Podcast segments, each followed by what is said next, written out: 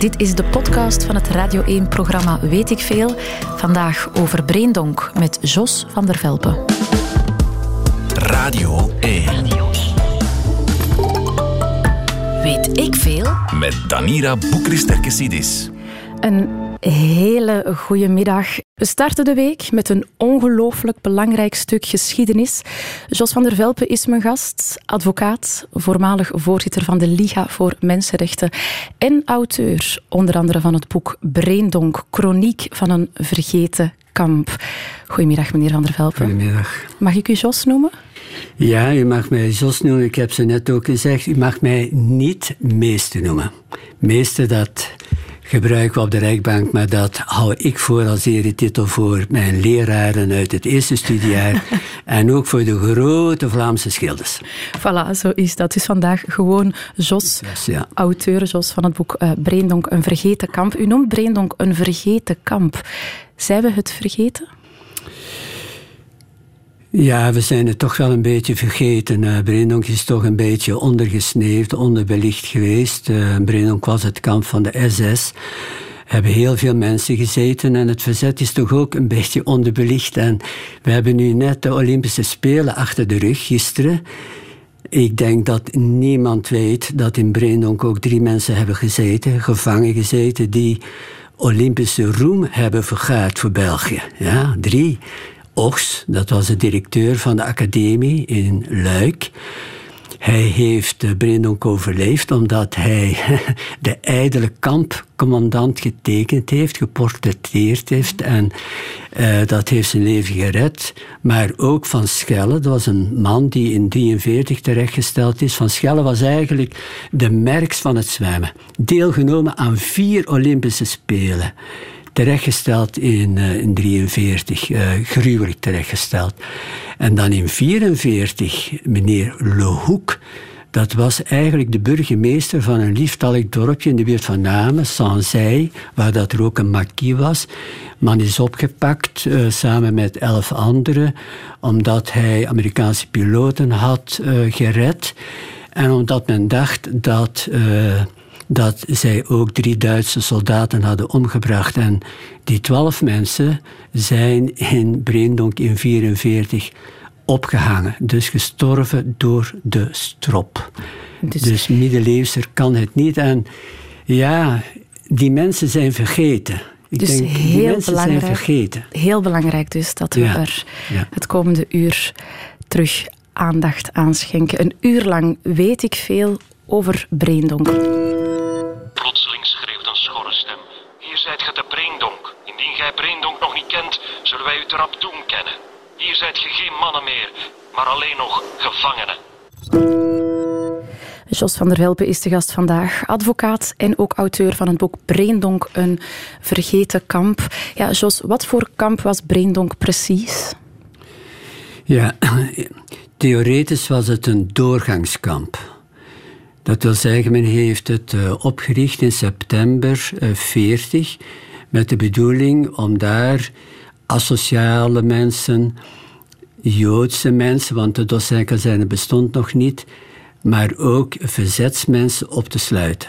Het was een kamp eigenlijk geregisseerd door de SS. Ja. Ja? Een doorgangskamp omdat men die mensen zou doorsluizen naar uh, andere kampen in het oosten. Nu uh, hebben in Breendonk ongeveer in 4000 mensen gevangen gezeten. Die, de helft daarvan, ruwweg, heeft de oorlog niet overleefd. Een hele hoop van die mensen zijn inderdaad doorgesluist naar andere kampen. Sommigen hebben het overleefd, anderen niet. Maar Breendonk was toch geen echt doorgangskamp, want in Breendonk zelf zijn 84 mensen die we bij naam en toenaam kennen, omgekomen, omgebracht, eigenlijk vermoord. Er zijn uh, het dubbel aantal terechtgesteld als gijzelaar, meestal als vergelding voor acties van het verzet. En er zijn zelfs 21 mensen opgehangen, zoals meneer Le Hoek, waar het uh, hm. net over had. Ja, en uh, je zegt dus doorgangskamp, dus zogezegd zouden gevangenen daar verblijven voor ze dan werden doorverwezen naar kampen zoals Auschwitz, concentratiekampen, ja, zulke dus, kampen? Uh, Er zijn, er zijn een hele hoop mensen overgeheveld naar andere kampen, ook omdat Breendonk heel snel volliep. Na een jaar na een jaar liep Brindonk heel snel vol. Brindonk is eigenlijk een fort uit de Eerste Wereldoorlog. Het is een sinister fort als je er binnenkomt. De, de gang alleen, die, die gruwelijke klanken. Het is alsof dat je een grot betreedt. Dus het, het sinistere, het akelige van het fort. Dat is ook heel kil, heel kil en bedreigend. Ja, ja, ja. Eigenlijk heeft het nog altijd kippenvel. Mhm. Eh, heel veel kampen heb ik bezocht, maar er is geen enkel kamp dat er nog zo vreedaardig bij ligt als uh, Breendonk. Mhm. Maar goed, dus ehm, vanuit Breendonk zijn een hele hoop mensen uh, getransfereerd, gedeporteerd naar Neuengamme, naar Boegewald enzovoorts. Eigenlijk toch vooral in de laatste jaren van Breendonk. Mhm. En um, want je, je zei daarnet, um, verzetslui kwamen er terecht, uh, joden, asociale of anti-asociale mensen. Iedereen die eigenlijk uh, de, de Duitsers tegenwerkte, zogezegd, in hun ogen. Hoe kwam je er concreet terecht? Was dat via een proces, een aanhouding? Hoe kon je daar belanden? Ja, je werd natuurlijk aangehouden door, door de Duitsers. Hè? Uh, die eerste, de eerste mensen waren vaak Joodse mensen. Het waren mensen die vaak op de vlucht waren voor Hitler, die uh, afkomstig waren uit Oost-Europa. Het, waren, het was echt de onderklasse van de onderklasse. Het waren stumpers, het waren mensen die vaak geen werk hadden, die bedelden, die, die, of die het typische voorbeeld, iedereen gekend, door iedereen gekend in Breendonk toch, is meneer Neumann. Dat was een Joodse man, een dwerg, geweigerd in de, in, in de Verenigde Staten. Is dan in Antwerpen terechtgekomen. Hij moest overleven met wat speelgoed te verkopen. Hij is opgepakt gewoon aan het station. Gewoon als een soort bedelaar. Is naar Breendonk gebracht. Ja, het was een dwerg. Het was een man die eigenlijk uh, niet mee kon in Breendonk. Hè. Dus uh, als ze moesten gaan werken, hij, hij, liep altijd achteraan met zijn korte beentjes in de kolonne. Hij kon zijn bed niet goed opmaken. Is dus in Breendonk op een gruwelijke manier mishandeld. En het vrede, het vrede van het vrede is dat hij zelfs mishandeld is door Joodse mensen, de Joodse kameroverste ja, die, de, die, die, die, die die man uiteindelijk hebben mishandeld. En die man is ook heel snel overleden. En er zijn een hele hoop Joodse mensen op die manier in Breendonk terechtgekomen. En uh, de eerste doden zijn ook veelal Joodse mensen, uh, die omgebracht zijn door Joodse kampoversten. Ja, je zegt omgebracht door Joodse kampoversten, dus eigenlijk door hun, hun, hun eigen mensen. Ja, dat is, dat is onbegrijpelijk. Uh, de meest vrede van die kameroverste was meneer Oppler. Dat was een Oostenrijkse Jood die zelf gevlucht was voor Hitler, die in België terechtgekomen was die in België in de gevangenis van Leuven gezeten heeft. Men heeft hem gedeeltelijk gecastreerd, omdat, omdat hij gehuwd was met een niet-Joodse vrouw. En dan is hij terechtgekomen in Breendonk. Hij was een, een vat van frustratie, verbittering. En is dan een instrument geworden van de SS in, in Breendonk. En heel veel vreedheden heeft hij eh, begaan ten aanzien van lotgenoten. Hij was zelf ook een slachtoffer. Hm. Uh, maar hij heeft zich daar ook als dader aangesteld. Hij is veroordeeld voor tien doden. Ja, en hij is na de oorlog uh, moeten, moeten voorkomen voor het gerecht in Mechelen, in het stadhuis van Mechelen. Hij is veroordeeld. Um, en ja, uh, hij heeft toch tien doden op zijn geweten. Maar deed hij dat uit angst voor de SS of om, om in de hoop dat die hem dan zouden gerust laten? Of waarom? Ja, hij heeft dat uiteraard, uh, denk ik, vooral gedaan om zijn hachje te redden. Mm. Uh, en, en één keer als je in die mallenmolen zit. Uh, uh, Brindonk was een klein kamp, iedereen kende iedereen. De SS kende ook iedereen, wist wat vlees men in de kuip had, wist dat Opler uh, bijvoorbeeld, ja, het was een beer van een vent, was een gewelde, geweldenaar. Hij was van nature, denk ik, al wel gewelddadig aangelegd. En ze hebben natuurlijk zijn talenten, als je dat zo mag noemen, uh, misbruikt om in die onmenselijke omstandigheden van Breendonk onmenselijk op te treden. Radio 1. Weet ik veel? Jos van der Velpen is vandaag de gast, auteur van het boek Breendonk, chroniek van een vergeten kamp. Uh, ja, Jos, als je in Breendonk gevangen zat, hoe zag een dag er dan eigenlijk uit? Je had in Breendonk eigenlijk twee grote groepen. Je had een groep arrestanten. Dat waren mensen die opgesloten zaten in een isoleercel. Er waren 32 isoleercellen. Dat waren eigenlijk kippenhokken, twee meter bij twee. Die mensen mochten niet werken, moesten de hele dag recht staan. Uh, S'nachts slapen op een houten plank. Hadden een toiletpotje maar mochten alleen s morgens naar het toilet uh, met een kap over het hoofd. Wacht, maar die moesten heel de dag recht, recht staan? Recht staan. En ik, dat, dat, kan, dat, ik, dat lukt toch het niet? U nauwelijks, ik kan het nauwelijks bevatten. Ik, ik heb het verhaal geschreven van mevrouw Paquet. was een jonge vrouw... Uh, van vooraan in de dertig, want we mogen de vrouwen in Breendonk zeker niet vergeten. Die mevrouw heeft ongeveer acht maanden in zo'n donkere uh, eenzame cel gezeten. Uh, je kon met niemand praten. Je mocht met... Want, om even over die vrouw door te gaan. Ja. Was dat een uitzondering, een vrouw in Breendonk? Of zaten er wel, veel we hebben toch wel uh, een, een, een, aantal vrouwen in Breendonk gezeten. Exact weten we het niet. Er zijn vrouwen die daar heel kort gezeten hebben.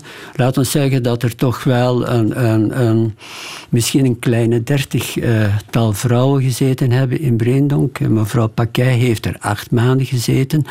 Uh, in zo'n cel. En uh, ja, ik, ik, ik, ik, ik heb het diepste respect voor die mevrouw. Ik weet niet hoe dat die mevrouw het overleefd heeft. Ze is zeven keer gefolterd geweest, geweest in de martelkamer. De martelkamer ligt vlakbij de isoleercellen.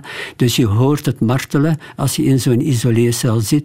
Dus dat moet een enorme psychische druk geven. Want je denkt, ze kunnen mij elk ogenblik ook komen halen. En dus ze hebben haar zeven keer gemarteld. Op een barbaarse manier. Je hoort haar getuigenis ook als je in Breendonk op bezoek gaat. Ja, ja, ja. Je ziet die mevrouw, je ziet die mevrouw, die heeft het overleefd. Het is een wonder, het is een sprookje. Sommigen hebben het overleefd. Uh, en, en zij heeft het overleefd, dus ze heeft het nog kunnen vertellen. Ze heeft het ook verteld tijdens het proces in, in Mechelen. Mm -hmm.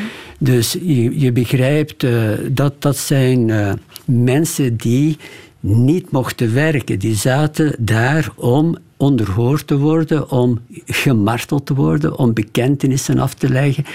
Maar je had dan ook mensen die verplicht waren te gaan werken. Die zaten met 32 of 48 in een kamer, in die vochtige kamers waar dat het, het druppelt van de muren. En die mensen moesten wel werken. Die moesten overdag uh, meestal acht uur werken. En acht uur dag hadden die. Uh, hun werk was uh, het uitgraven van het fort. Dus men heeft het fort uitgegraven eigenlijk tot de laatste dag. Zinloos, een absoluut zinloos ja, project. Gewoon om hen, hen, bezig te houden en zwaar werk te laten doen dan? Te kraken. Dus arbeid maakt vrij, was de leuze. Maar in dit geval arbeid dood. Want het was slavenarbeid, werk voor galeislaven. Het was met primitieve middelen, kiepkarren, duizend kilo puin, zand vervoeren, honderden meters ver. En je begrijpt, ze moesten dat met vier mensen doen, soms met zes mensen.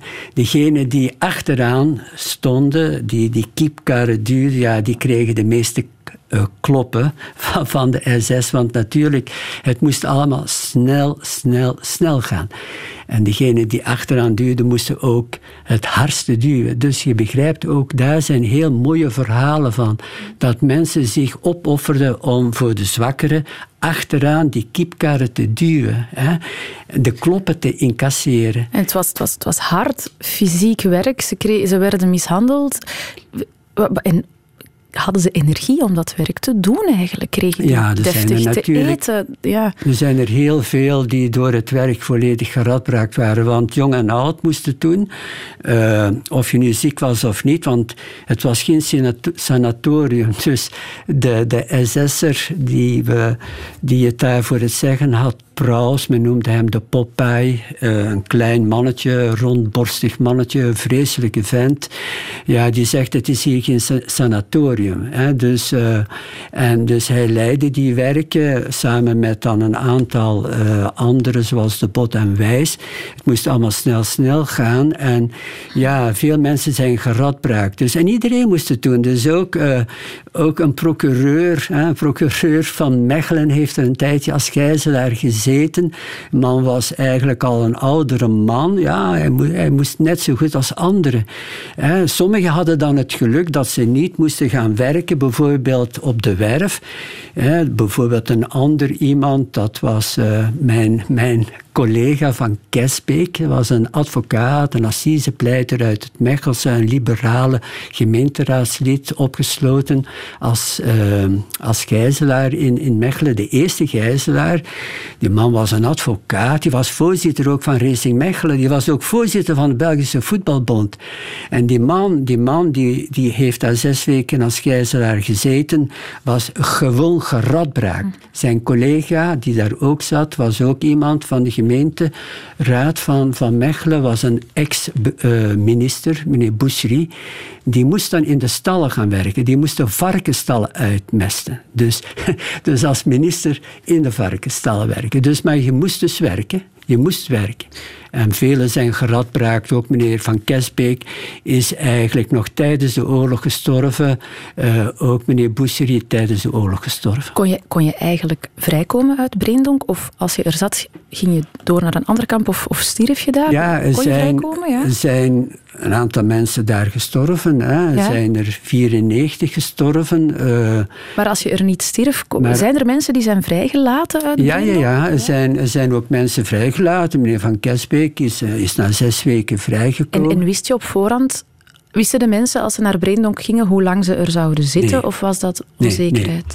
Nee, nee. Eh, dat, dat wist je niet. Hè. Dus als, als advocaat, als iemand hier aangehouden wordt, voorlopige hechtenis, hij weet, na een maand moet ik voor de raadkamer komen. En, maar daar word je aangehouden en er is geen vorm van proces, er is geen recht, er is 0,0 recht. Alle mensen waren gelijk voor de wet, dat wil zeggen rechteloos. Hadden alleen maar recht op honger, recht op dezelfde manier recht op foltering, recht op mishandeling, maar ze hadden geen enkel recht. Vandaar dat ze zich ook eigenlijk een beetje als een familie beschouwden. Ze leefden samen, ze leefden samen en ze hadden allemaal geen rechten. En dus dat schepte wel een band. Er zijn heel mooie verhalen van, van broederlijkheid, van solidariteit, van vriendschappen. Maar goed, je wist niet wanneer dat je er, eruit kwam. Dat, de rammelen van die sleutels, de deur van onze kamer werd opengedaan. Dan loopt het koud zweet, gevoel dat dat loopt over het lichaam. Echt bang, je zegt, ik ben niet bang, maar je bent bang. Dat, dat kun je niet voorstellen wat je meemaakt op die momenten. Je weet dat ze komen voor mensen, voor nummers afgeroepen van mensen die moeten terechtgesteld worden. Ja, we hebben het vandaag over Breendonk met advocaat en auteur Jos van der Velpen. En we hoorden zo net een getuigenis van Louis Boekmans, een van de laatste overlevenden van het kamp. Helaas overleden nog niet zo lang geleden, op 20 juli 2021. Uh, hij werd 98 jaar. Heb je hem ooit ontmoet? Ik heb hem eh, persoonlijk nooit ontmoet. Ik heb wel het boek gelezen, zijn boek gelezen. En ik, ik heb wel. Uh, ik heb wel een, uh, enorm veel respect voor meneer Boekmans, want heel veel mensen in Brindonk hebben gezeten hebben eigenlijk nooit uh, het kunnen opbrengen om over hun leed te vertellen. Ze wilden hun leed niet delen met hun kinderen, hun achterkleinkinderen. Ze wilden het niet aandoen, hun niet aandoen. Dus ze hebben het allemaal moeten verkroppen. Na de oorlog was er ook geen psychologische begeleiding. Hè? Maar heel veel, van die mensen die leden natuurlijk aan, uh, ja, aan, aan, aan, aan nachtmerries. En, en de beelden, de beelden gaan nooit weg. De beelden gaan nooit weg. Zeker folterbeelden gaan nooit weg. Maar meneer Boekmans heeft wel de, de, de, de moed gehad om te getuigen. heeft heel veel uh, mensen geïnformeerd, scholen uh, geïnformeerd, heeft ook rondleidingen laat, uh, gedaan in, in Breendonk. Dus ik heb voor hem een heel, heel groot respect. En wat hij heeft meegemaakt is niet niks. Hij is niet zo lang in Breendonk geweest, maar hij zat er wel op het eind, net voor uh, ontruimd is. En ja, dat was eigenlijk een, een, een hallucinante periode, grote onzekerheid, want dus het duizendjarige rijk stond op instorten en dus er waren heel veel frustraties bij de, de op dat ogenblik. En meneer Boekmans was ook aanwezig in Breendonk op het moment dat een van de laatste gruwelijke moorden in Breendonk plaatsvond. Dat was de moord op de procureur, meneer Sevens. Uh, ik ken, uh, ik ken de familie heel goed, omdat meneer Sevens was een procureur, was een jonge man met twee kinderen. Hij is aangehouden geweest in Antwerpen samen met zijn vrouw. Die kinderen waren toen nog heel, heel, heel klein. En ehm, men heeft meneer Sevens naar Breendonk gebracht, eerst gefolterd op het Gestapo-hoofdkwartier, zal ik maar zeggen, in Antwerpen. En ik kwam in Breendonk toe en meneer Boekmans en anderen hebben gezien, hij was een, een wrak. Dus toen dat hij daartoe kwam, dacht men dat men hem met een strijkijzer bewerkt had. Hij had tientallen en tientallen brandwonden. Ja. Dus hij is daartoe gekomen als procureur en u begrijpt, het onthaal was natuurlijk niet leuk. Een procureur in, in Breendonk ontmoeten, uh, dat was voor de SS ook uitzonderlijk. Dus wij zijn de bot, die dreven de spot met, met, met zo'n procureur. Hè. Wijs, een bokser, een, een worstelaar. Ja, hij vond het uniek dat hij natuurlijk de macht had over een procureur. Dat, dat hij een procureur kon straffen dat hij een procureur kon slaan, dat procureur niet kon terugslaan. En dus uh, procureur uh, die dus ook die handenarbeid, die dwangarbeid daar moest verrichten. Ja, hij was op korte tijd een wrak, een letterlijk een levend lijk. En meneer Broekmans heeft, heeft dat uh, gezien. En, en ja, meneer Broekmans is, uh, is dan toch naar een ander kamp overgebracht. Uh, meneer Sevens is overleden in, uh, Breendonk. Dus eigenlijk kort voordat het kamp ontruimd is, heeft er niet lang gezeten. En van levend lijk en echt lijk. Niemand weet waar hij begraven is, dus voor de familie. En ik ken dus het kleintje dat mee uh, met haar moeder uh, opgepakt was. Is later ook procureur geworden. Mevrouw Sevens leeft nu nog, dus de dochter. maar u begrijpt, voor kinderen, voor kleinkinderen, is het verleden nooit af. En dus ze denken nog allemaal aan hun papa, hun oma, hun opa. En ik moet dan ook al, altijd denken aan, aan, aan Bart Peters. Hè. Ook zijn opa heeft in Breendonk gezeten. Hij heeft een heel mooi lied over zijn opa geschreven. Dus mijn boek is eigenlijk ook een klein beetje voor de kinderen en de kleinkinderen. Je krijgt het um, moeilijk als u er, uh, ja, omdat u er veel op ja, het ik kan minder tegen geweld. Nee, ik, ik heb als advocaat heel veel uh, gewelddadige situaties meegemaakt. Ook uh, moordzaken, soms ook seriemoorden. Uh, waar dat ik in optrad. En het deed me altijd iets, het lijden van de slachtoffers, van de nabestaanden. Natuurlijk, in Breendonk heb je, kunt je geen afscheid nemen. Dus mevrouw Sevens heeft nooit afscheid kunnen nemen. Ze weet niet eens waar haar uh, papa begraven ligt. Hij is anoniem begraven ergens, we weten niet waar. Dus dat, is een, uh, dat doet me wel iets. En, en ik, je ziet ook in dat, in dat lied van Bart... Uh, hij zegt, ik denk uh, steeds meer aan mijn opa. Mm. En uh, ja, dat geldt eigenlijk voor heel veel kinderen en kleinkinderen. Ik krijg heel veel telefoons, ook van kleinkinderen. Ik heb een telefoon van een mevrouw gehad, mevrouw Fouquier, die drie uh, familieleden verloren heeft, die in Breendonk heb, gezeten hebben. En die mevrouw heeft een, een, een soort tocht gemaakt uh, naar de kampen, gewoon om het te kunnen verwerken. Hm. Dus de, zeker voor de kinderen en de kleinkinderen, uh, denk ik, is het belangrijk dat Breendonk niet vergeten wordt. Want het ergste van al is vergeten worden. Ik heb mijn, ik, mijn boek eindigt met een, een soort testament van iemand die in een cel gezeten heeft en die een testament schrijft. Hij krast het op de muur van, en hij schrijft in het aanschijn van de dood en hij eindigt hopen, hopelijk worden, verdwijnen we niet in het niets, in de vergetelheid van de geschiedenis. En dus, mijn boek is een beetje een, een, een medicijn, een soort eh, vaccin tegen het vergeten.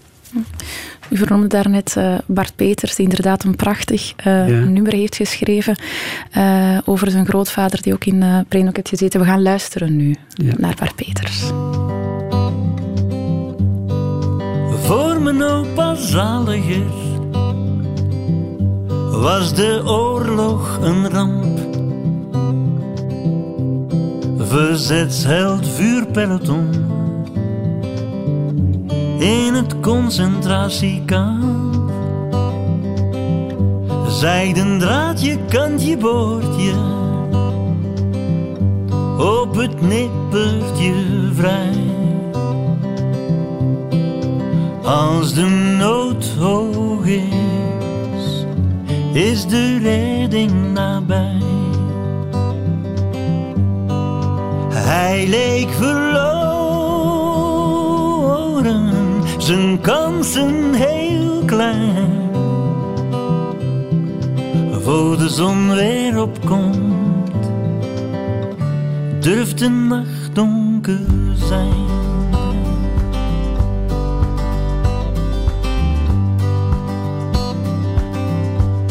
Daarna ging hij ieder jaar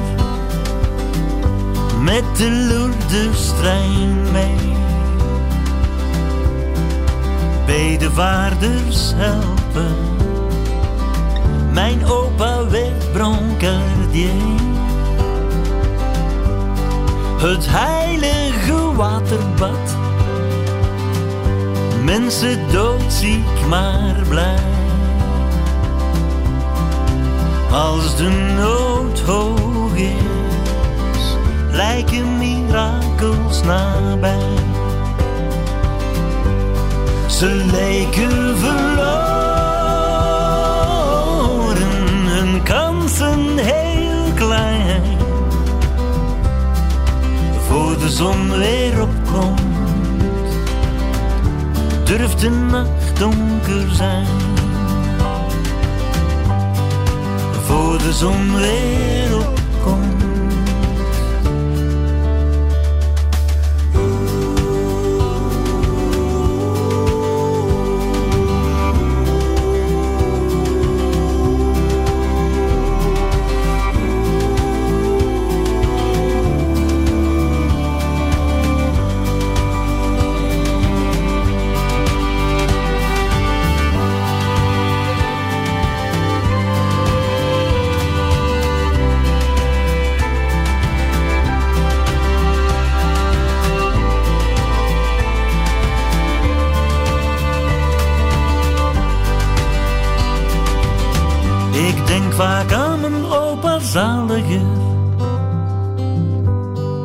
De laatste tijd. Want de wereld lijkt alweer de pedalen wat kwijt. Hij zou gezegd hebben, komt wel goed. Ze vinden vast een vaccin. Want als de nood hoog is, zijn remedies nabij. We leken verloren, de kansen heel klein. Voor de zon weer opkomt, durft de nacht donker zijn. We leken verloren, de kansen heel klein. Voor de zon weer opkomt, durft de nacht donker zijn. de zon weer opkomt, durft de nacht donker zijn.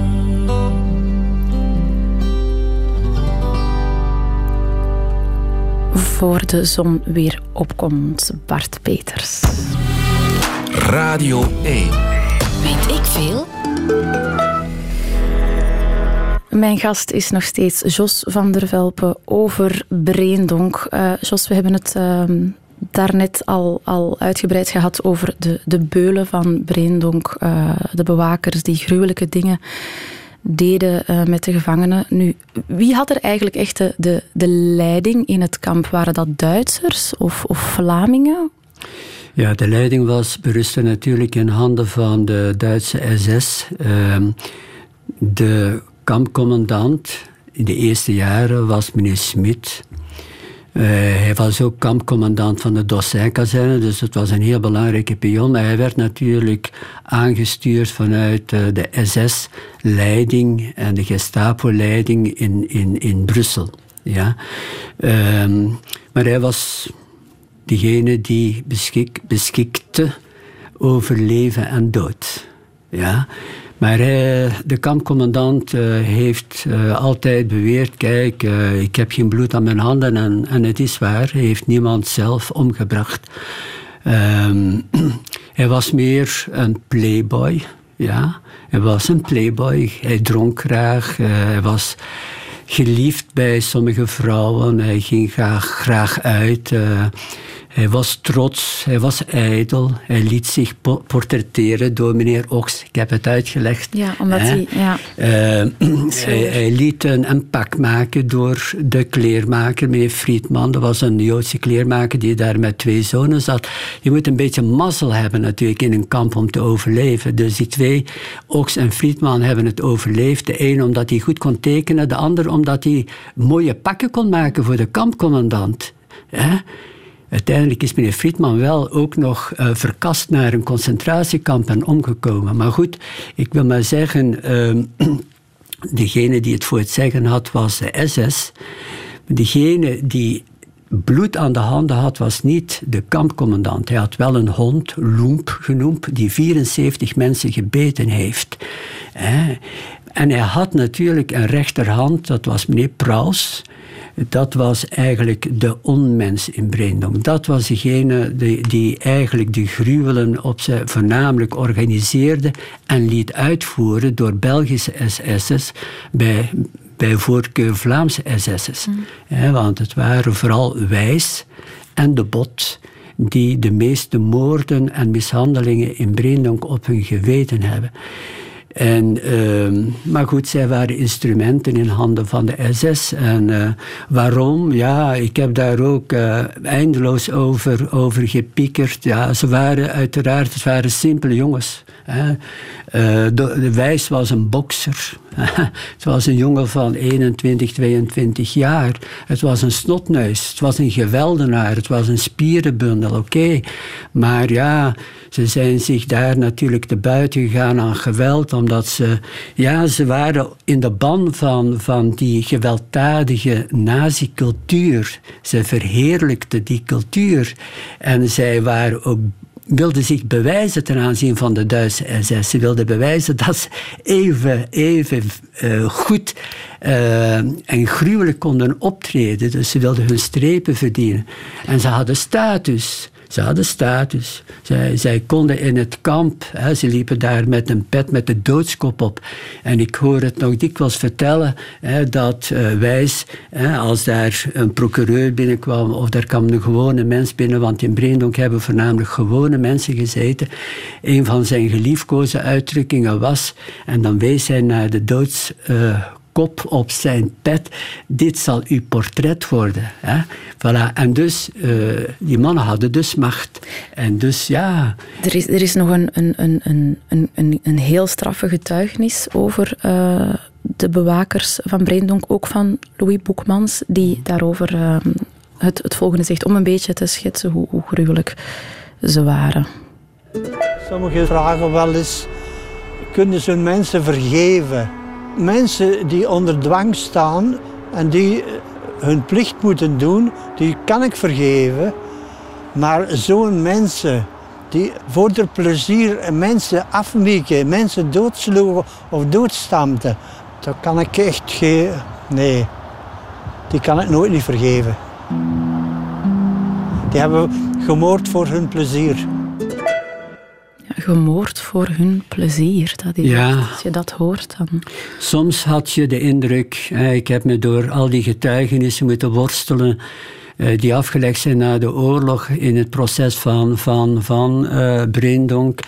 Ehm, waar dat er eh, ja, meer dan 450 getuigen op het proces zijn komen, komen getuigen. Dus dat, dat is in een assisezaak nooit gebeurd. Het is ook de belangrijkste massamoordzaak die ik ken.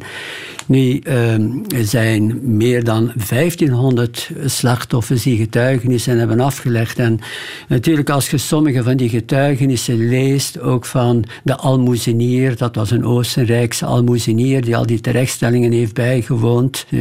De getuigenissen eh, ja, som, die afgelegd zijn over wat er gebeurd is ook in die, in die periode eh, van de eerste helft van 1943, toen dat het er echt heel erg aan toe ging in Breendonk.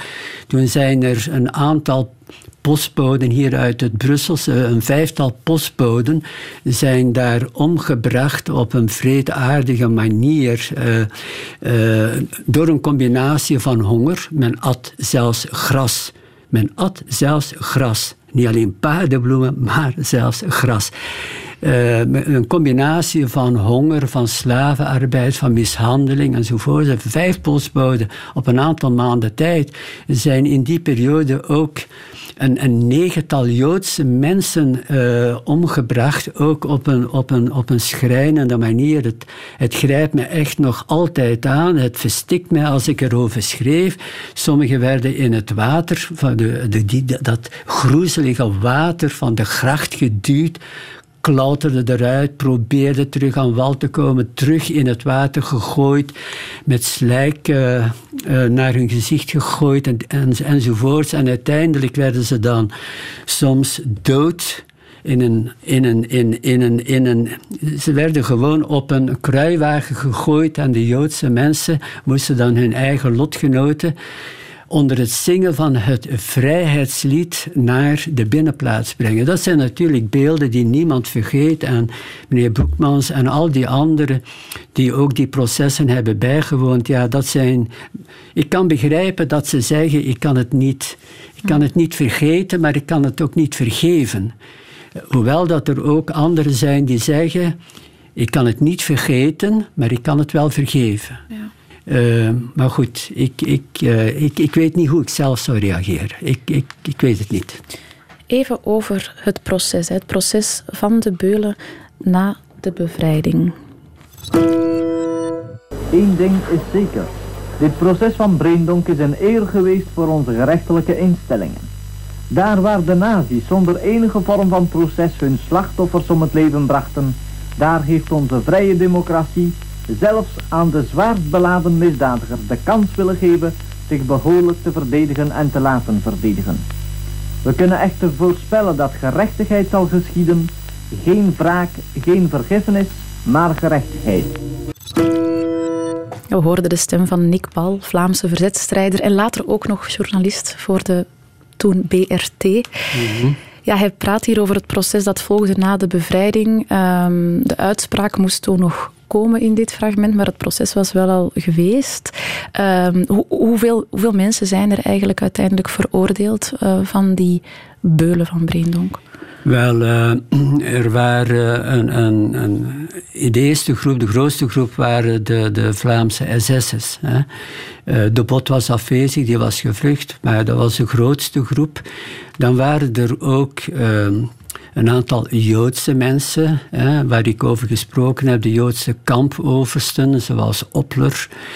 En dan had je een aantal uh, mensen die daar gewerkt hebben uh, in Breendonk. Uh, een tuinier, een koeienboer, een, een, een, smid. Dus je had een, een, een, groep van een twintigtal mensen die terecht hebben gestaan in, in, in Mechelen. Um, en um, ja, het proces is een historisch proces. historisch in de letterlijke betekenis van het woord, omdat we de geschiedenis van Breendonk nooit hadden rukken kunnen reconstrueren. Ik had mijn boek nooit kunnen schrijven zonder al die getuigenissen. Het waren getuigenissen uit de eerste hand. Het was onmiddellijk na de oorlog. Het geheugen van de mensen was nog vers. Als ik in een moordzaak optreed, ja, na drie, vier, vijf jaar weten de mensen al niet meer de details. Maar hier, en een, een moord, een gewone moord wordt niet gepleegd in aanwezigheid van vele getuigen. Mhm. In, in Breendonk werd er gemoord in aanwezigheid van de gevangenen. Ze hebben het gezien. En dus die getuigenissen zijn natuurlijk van kapitaal belang voor het reconstrueren van de geschiedenis. Hè. En het proces is ook natuurlijk van heel groot belang geweest voor, voor de slachtoffers zelf, omdat zij toen ja, hun hart konden luchten, zal ik maar zeggen. Het was de eerste keer dat ze er konden over spreken. Velen konden er niet over spreken, wilden er niet over spreken, omdat het, de ellende, het verdriet te groot was. Zwijgen kan niet verbeterd worden, eh, heeft Elschot ooit geschreven, maar in dit geval wel natuurlijk. Spreken was beter dan zwijgen. En sommigen hebben natuurlijk op het proces gesproken, zijn geweldige getuigenissen. Meneer Bal heeft het proces van heel nabij gevolgd. Het was de eerste keer dat een, zo'n massaproces op die manier verslagen werd door, door, door de radio. En uh, ja, de mensen zaten uh, met de mond open te luisteren naar, naar, naar die getuigenissen. En het proces heeft op die, in die zin toch wel wat solaas geboden ook aan, aan de slachtoffers. Um, en voor mij is het uh, ja, een zegening omdat ik uh, aan de hand van die getuigenissen mijn boek heb kunnen schrijven. Helaas, meneer Van der Velpen, zit onze tijd er nu op, maar ik wil u hartelijk bedanken om tot hier te komen vandaag. Het stemt tot verder nadenken. Als u meer wil weten, lees dan zeker zijn boek Breendonk, chroniek van een vergeten kamp. Radio 1 Weet ik veel? Dit is het einde van deze podcast van Weet ik veel. Weet ik veel is trouwens een programma van Radio 1. Op radio1.be vindt u nog veel meer.